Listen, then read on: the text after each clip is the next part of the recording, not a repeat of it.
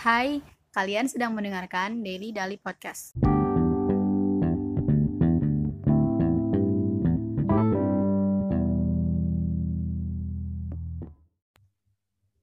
Oke, Assalamualaikum warahmatullahi wabarakatuh.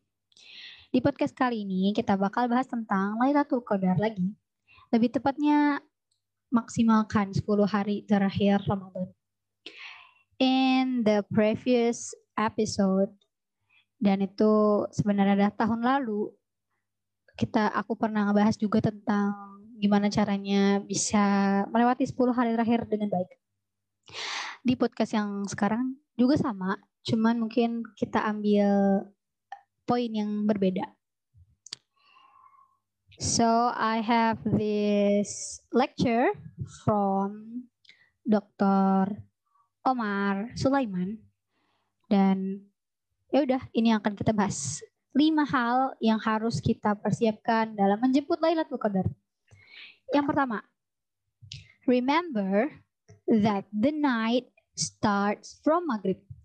Jadi yang pertama, poin yang pertama yang harus kita ingat adalah bahwa Lailatul Qadar itu dimulai dari maghrib sampai terbit fajar. Nah, kenapa kita harus ingat banget itu tuh dimulainya habis maghrib, bukan habis isya? Karena banyak orang yang lalai atau yang miss di starting point ini. Biasanya setelah iftar kan kita suka akhirnya jadi gossiping, kita jadi bergibah, kita jadi melakukan uh, sesuatu yang melalaikan kita dari ibadah. Terlalu banyak makan, akhirat telat sholat, terlalu banyak ngobrol karena bukber, akhirat telat sholat. Dan itu yang kita harus hindari di 10 malam terakhir. Dan yang poin kedua adalah selalu mengusahakan untuk sholat berjamaah. Paling tidak sholat isya dan sholat subuh di malam itu. Jadi jangan sampai, ya sampai misalnya kamu sholat malam nih tahajud sendiri tiga jam lah katakan kamu sholat tiga jam, tapi subuhnya jadi terlambat dan akhirnya tidak berjamaah. Itu tidak, that's not better gitu, itu nggak lebih baik. Jadi harus mengusahakan untuk menjaga sholat di malam Lailatul Qadar dalam keadaan berjamaah. Poin yang ketiga adalah uh, kita bisa memaksimalkan ibadah dengan mengikuti sholat imam sampai akhir. Jadi kalau misalnya kalian tarawih, usahakan benar-benar mengikuti sholatnya dari awal sampai akhir. Kalau misalnya imamnya sampai witir, ya udah sampai witir. Karena kenapa? Karena itu akan dicatat seakan kamu sholat semalam penuh. Ini kayaknya ada beberapa perbedaan pendapat dalam menyikapi ini ya. Tapi ke kita bisa ambil kesimpulannya ya udah usahakan untuk sholat bersama imam dari awal sampai akhir tidak terputus. Poin yang keempat adalah we need to remember that best doa, best adhkar that we can recite in this moment is are in this moments are doa-doa yang pendek tapi komprehensif. Jadi kalau bisa kita mensibukkan diri kita dengan berzikir, dengan doa yang tidak terlalu panjang tapi bisa terus-terus diulangi. Gitu. Apa doa yang paling masyur untuk di, dibaca ketika 10 malam terakhir? Allahumma innaka afun tuhibbul afwa fa'fu anni. Itu kan pendek, nggak panjang, nggak susah untuk dihafal. Dan sebenarnya ahabbud du'a ilallahi ajma'uha. Jadi doa yang paling baik itu doa yang doa yang apa namanya? Doa doa yang mencakup semuanya. Kayak misalnya kita Rabbana atina fid dunya hasanah wa fil akhirati hasanah qina adzabannar. Itu kan udah mencakup semua kebaikan dunia dan akhirat. Jadi memperbanyak zikir dan doa ketika 10 malam terakhir. Yang pendek-pendek aja nggak Subhanallah, Alhamdulillah, Allah Akbar, istighfar, astagfirullah, Allah innaka afun, tuhibbul afwa fa'fu anni. Tapi kita ulang-ulang, ulang-ulang, ulang gitu. Jadi lidahnya tuh kayak nggak pernah berhenti gitu. Dan poin yang terakhir adalah yang kelima, the night must be alive. Kita tuh harus menghidupkan malam-malamnya, menghidupkan malam Lailatul Qadar. Bagaimana menghidupkannya? Itu tuh tergantung preferensi masing-masing. Kalau kamu lebih menyukai ibadah dengan membaca Quran, ya silakan baca Quran. Kalau kamu lebih suka menghidupkannya dengan doa, maka silakan banyak berdoa di malam tersebut. Kalau kamu lebih suka bersedekah di malam tersebut, maka ya udah perbanyaklah sedekah di 10 hari terakhir tersebut. Jadi intinya kamu boleh menghidupkan dengan cara apa pun yang kamu pengen ambil. Dan kalau bisa ikutin contohnya dari Rasul. Bukan kalau bisa sih, it must be harusnya kayak gitu. Ngikuti Rasul sama para sahabat gitu. Kan banyak maksudnya sahabat tuh beda-beda kan. Ada yang menghidupkannya dengan bersedekah, ada yang dengan doa. Cari contoh yang mau kamu tiru dan ya udah lakukan itu. Hmm, jadi kalau misalnya kita bisa bikin list apa yang bisa kita lakukan dalam rangka menghidupkan Lailatul Qadar itu yang pertama doa, yang kedua sedekah, yang ketiga sholat. Doa, sedekah, sholat. Kan menaqama Lailatul Lailatul Qadri imanan wa ihtisaban ghufira lahu ma taqaddama min dhanbi. Barang siapa yang bangkit di Lailatul Qadar, sini yang dimaksud uh, sholat atau mungkin uh, beribadah yang lain dengan keimanan dan ihtisab Ihtisab tuh artinya kita mengharapkan. Mengharapkan sawaban minallah. Kita mengharapkan pahala atau ganjaran dari Allah Subhanahu wa taala. Jadi kita ngelakuin sebuah ibadah dengan pengharapan bahwa Allah akan memberikan kita ganjaran yang baik dan kita ikhlas melakukan itu untuk keridhaannya. Kata Allah, "Ghufira lahu mata taqaddama min Maka semua dosa-dosa kita tuh bakal diampuni. Dosa-dosa kita yang terlalu tuh bakal diampuni. Jadi dalam menghidupkan Lailatul Qadar itu kita bisa dengan tadi doa, bisa dengan sholat, bisa dengan sedekah, dengan ingat dua kuncinya iman dan ihtisab. Dengan keimanan dengan keyakinan yang kuat kepada Allah dan dengan pengharapan yang kuat juga bahwa Allah akan memberikan kita ganjaran gitu. Kita berharap kita bakal diberikan pahala atas apa yang kita lakukan. Dan kita harus memahami esensi dari iktikaf.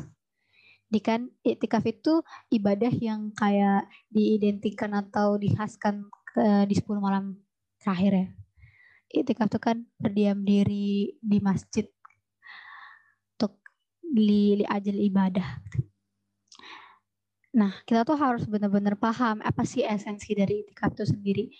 Apakah itikaf tuh ya udah pergi ke masjid, uh, meninggalkan rumah, tapi tapi bawa handphone, iya sendirian sih di pojokan tapi main handphone. Masih balas pesan mana, pesan ini, masih scrolling. Ataukah dia itu di rumah aja, kemudian tapi dia meninggalkan handphonenya, tidak terpengaruh dengan dunia dan fokus dengan beribadah. Jadi harus kita ingat esensi itikaf itu sendiri, yaitu mengisolasi, isolate ourselves, isolate our heart our body, kita tuh mengisolasi, kita tuh menahan diri. Isolasi itu benar isolasi bahasanya. Dari sesuatu yang Allah nggak suka, sesuatu yang Allah nggak akan suka kalau kita lakuin itu. Itu poin utamanya. Jadi kita itikaf di masjid, ya kita melakukan sesuatu yang memang Allah suka aja gitu. Jangan melakukan sesuatu yang Allah tidak akan suka. So, kita harus berusaha untuk meninggalkan dunia at least di malam-malam itu aja dulu pagi sampai siang ya udah lanjutkan aktivitas kalau masih kerja silakan kerja jangan lupa diniatkan dengan ibadah kalau misalnya masih ada yang kuliah ya udah kuliah aja dan masih dan harus diniatkan untuk ibadah gitu biar nggak sia-sia semuanya kita harus usahakan untuk fokus pada sesuatu yang penting. Only maintain what is necessary gitu. Jadi jangan melakukan sesuatu yang akan merusak malam Lailatul Qadar itu. No social media and cut it all off gitu. Kalau misalnya emang yang ngedistract adalah sosial media, ya udah tinggalin sosial medianya. Kalau misalnya ternyata yang merusak adalah rasa lapar, rasa ngantuk gitu misalnya, atau ngobrol sama temen atau kayak gimana, ya udah usahakan gitu, latih untuk menahan gitu. Setidaknya untuk 10 malam terakhir dan diniatkan untuk malam-malam selanjutnya.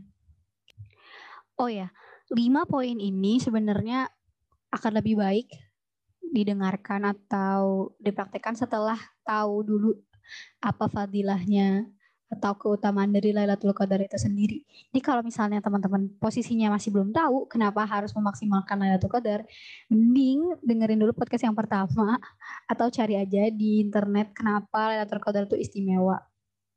Jadi kalau misalnya kita nggak tahu apa kemuliaan dari Lailatul Qadar itu sendiri, kita nggak akan merasa butuh untuk melakukan ini, kita nggak akan merasa butuh untuk memaksimalkannya kan.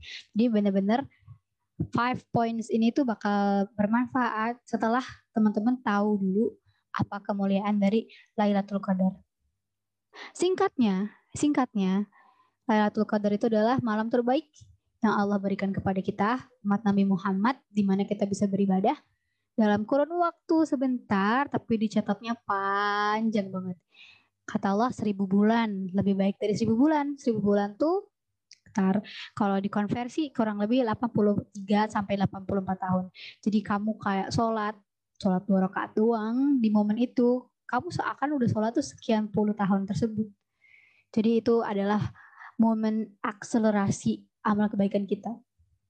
Karena as we know umat Nabi Muhammad itu kan umurnya pendek-pendek. Nggak kayak Nabi Musa nggak kayak Nabi Nuh nggak kayak Nabi-Nabi yang lain.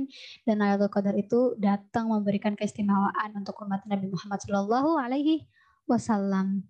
Dan pada malam itu pada malam yang penuh berkah itu para malaikat turun mendesaki bumi memenuhi bumi untuk menyaksikan hamba-hamba Allah yang menangis yang merintih memohon ampun kepada Allah atas dosa-dosa yang mereka lakukan dan menangis memohon rahmatnya agar mereka termasuk dalam golongan-golongan hamba yang bersyukur, hamba-hamba yang bertakwa.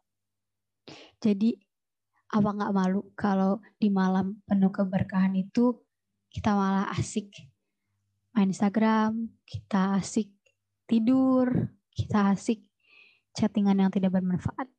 Na'udzubillah min dzalik. Semoga kita termasuk dalam orang yang beruntung bisa melewati 10 malam terakhir ini dengan baik.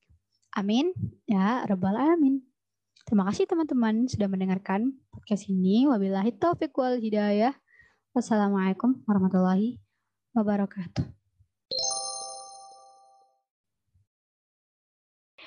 Dan yang terakhir, ini di luar dari lima five things itu sih banyak berdoa semoga Allah memasukkan kita dalam golongannya yang bertakwa dan kita diberikan rezeki Lailatul Qadar gitu. Kita tidak menjadi golongan yang diharamkan dari darinya yang mana akan diharamkan dari segala kebaikan. Allahumma balighna Lailatul Qadar.